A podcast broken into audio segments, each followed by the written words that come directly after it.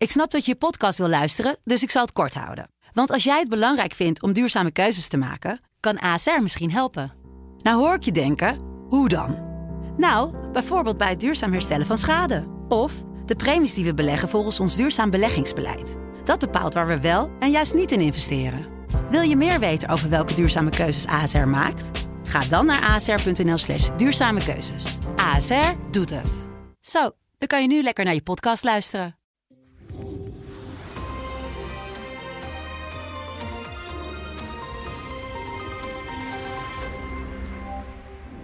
Welkom bij het gesprek met Paul Jansen, de hoofdredacteur van de Telegraaf, waarmee we wekelijks bespreken wat hem bezighoudt in het nieuws. Paul, de aanslag op Peter R. Vries, dat is natuurlijk niet alleen het nieuws van de afgelopen week, maar het zal de komende weken een, uh, een behoorlijke deken over heel veel andere nieuwsaanleidingen uh, leggen. Ja. We zijn nu dagen verder. Hoe, hoe, hoe kijk jij ernaar? Nou, het is, het, het, het is ook een grote schok uh, voor de hele journalistiek. Uh, en, voor, voor, voor, eigenlijk voor het land. Uh, vergelijkbaar met wat er gebeurde na de, na de moordaanslag op Pim Fortuyn. Peter de Vries vecht nog voor zijn leven. Laten we hopen dat dat hij daar vroeg of laat goed uitkomt. Maar weet je, waarom, het, is, het is met name zo zorgelijk omdat deze aanslag na de moord op advocaat Dirk Wiersum opnieuw laat zien dat er een criminaliteit is in dit land die niets ontzien is en waar ja. de overheid ook geen enkele grip op lijkt te hebben. Nee, um, dat komt mede natuurlijk door dat we een grote drugseconomie hebben. Uh, dat, ligt, dat heeft er rechtstreeks mee te maken. We weten overigens nog niet wie erachter zit. Nee, dat, is wel heel, dat, dat, is inderdaad wel heel belangrijk ja. om, om te zeggen. Want uh, uh, ook voor ons, want wij weten niet, is die aanslag gepleegd vanwege zijn journalistieke rol? Ja. Of vanwege zijn rol in het proces Holleder? Of in, vanwege zijn adviseurschap voor de kroongetuigen? Ja in het proces tegen de mokromafia. En dat is natuurlijk wel cruciaal om, om te weten hoe dat precies zit. En nu zijn er wel aanwijzingen, die, die, en daar hebben wij ook over gepubliceerd, die wijzen op verbanden die, die naar, naar dat laatste gaan. Dus dat het toch meer te maken zou kunnen hebben met uh, zijn functie als adviseur van die kroongetuigen. Maar we weten het niet. Uh, maar dat laat onverlet dat er, dat er gewoon een dusdanige criminele dreiging is in dit land.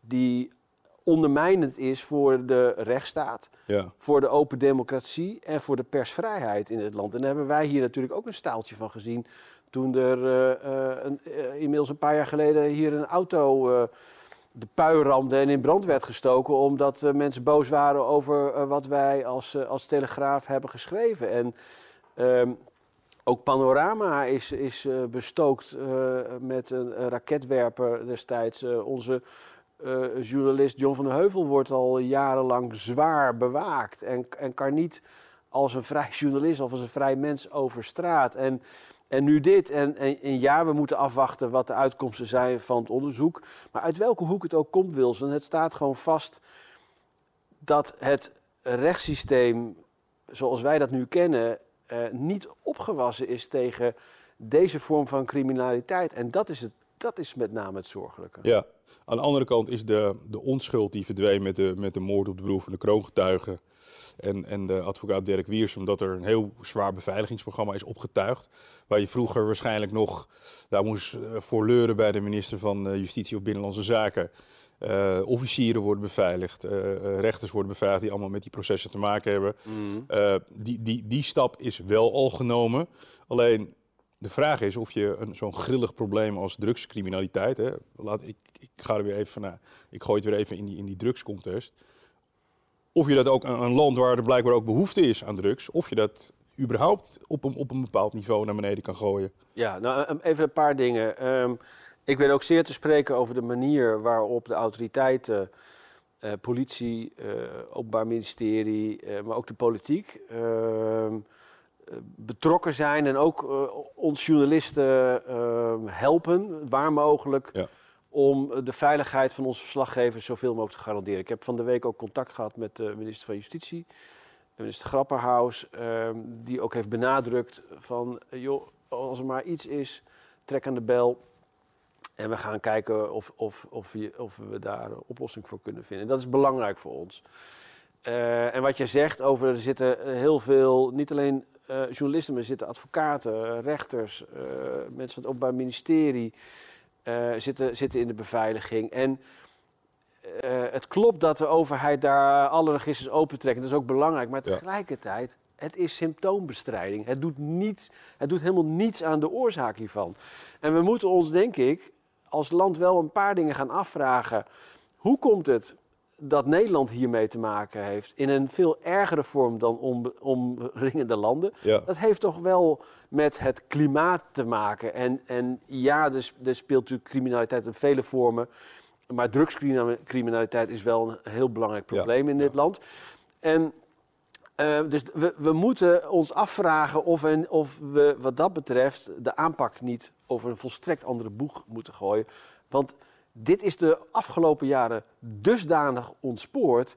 Dat ga je gewoon niet meer redden met de middelen die we nu ter beschikking hebben. En dat geldt niet alleen bij opsporing en, en bij handhaving, wat je doet op basis van de, het strafrecht en de regels zoals die zijn gesteld. Ja. Maar als ik kijk hoe uh, onze rechters hiermee omgaan. Ja, ik noem het maar naïviteit. Maar als ik kijk, de verdachten van de aanslag op de Telegraaf daar worden er gewoon een aantal uit voorarrest vrijgelaten. Dan denk ik, wat is. En het OM was daar ook woedend over en wij ook. Wat voor signaal geef je nou af? Je zal dus ook in je hele strafrechtketen, maar ook in bredere zin politiek, zal je echt uit een ander vaatje gaan moeten tappen om dit te bestrijden. Omdat anders die rechtsstaat het onderspit gaat delven in, in de, ik noem het maar even, sorry dat ik het moet zeggen, de half zachte aanpak die nu wordt gekozen.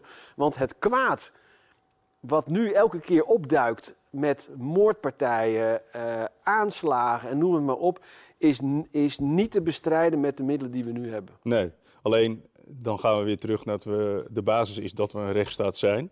En de rechtsstaat spoort verdachten op en, en, en die vervolgt ze. Ehm, er wordt best veel levenslang bijvoorbeeld ook uitgedeeld hè, de afgelopen tien jaar. Uh, het, het, is, het is heel ingewikkeld om, daar, om, die, om, die, om dat te verbreden. En ja, dan, dan, dan ga je al helemaal naar het rechtsstatelijke van, met, met, met de rechten van verdachten en dat soort zaken. Ja, dat, is, dat is dus precies, precies. En ik pleit hier niet voor, voor uh, uh, ondemocratische oplossing. Laat daar geen misverstand Over, over, over bestaan. Maar dat rechtsstatelijke, eh, eh, dat, ik, ik noem het maar even een ivoren toren mentaliteit. Ja. Daar ga je het nu niet mee redden. Je, je, je, je zal onorthodoxe maatregelen moeten nemen, weliswaar binnen grenzen van. Maar je zal ook in, in brede zin moeten kijken. We hebben niet zo lang geleden een rapport gehad over ondermijning in Amsterdam. En hoe de autoriteiten de grip zijn verloren op gewoon hele complete delen en segmenten van de stad en de samenleving. Daar zal je ook moeten kijken. En dat, dat houdt niet alleen maar verband met criminaliteit. Dat houdt ook verband met hoe zorg ik dat, dat uh, generaties die we zijn kwijtgeraakt we weer bij de maatschappij halen. Dat is niet alleen maar mensen kansen bieden, maar dat is ook gewoon even duidelijke grenzen en eisen stellen aan mensen. Mensen niet pamperen. Uh, niet zeggen, we stellen de grenzen open en, en kom allemaal bij binnen en als het even niet lukt, dan, dan helpen we u.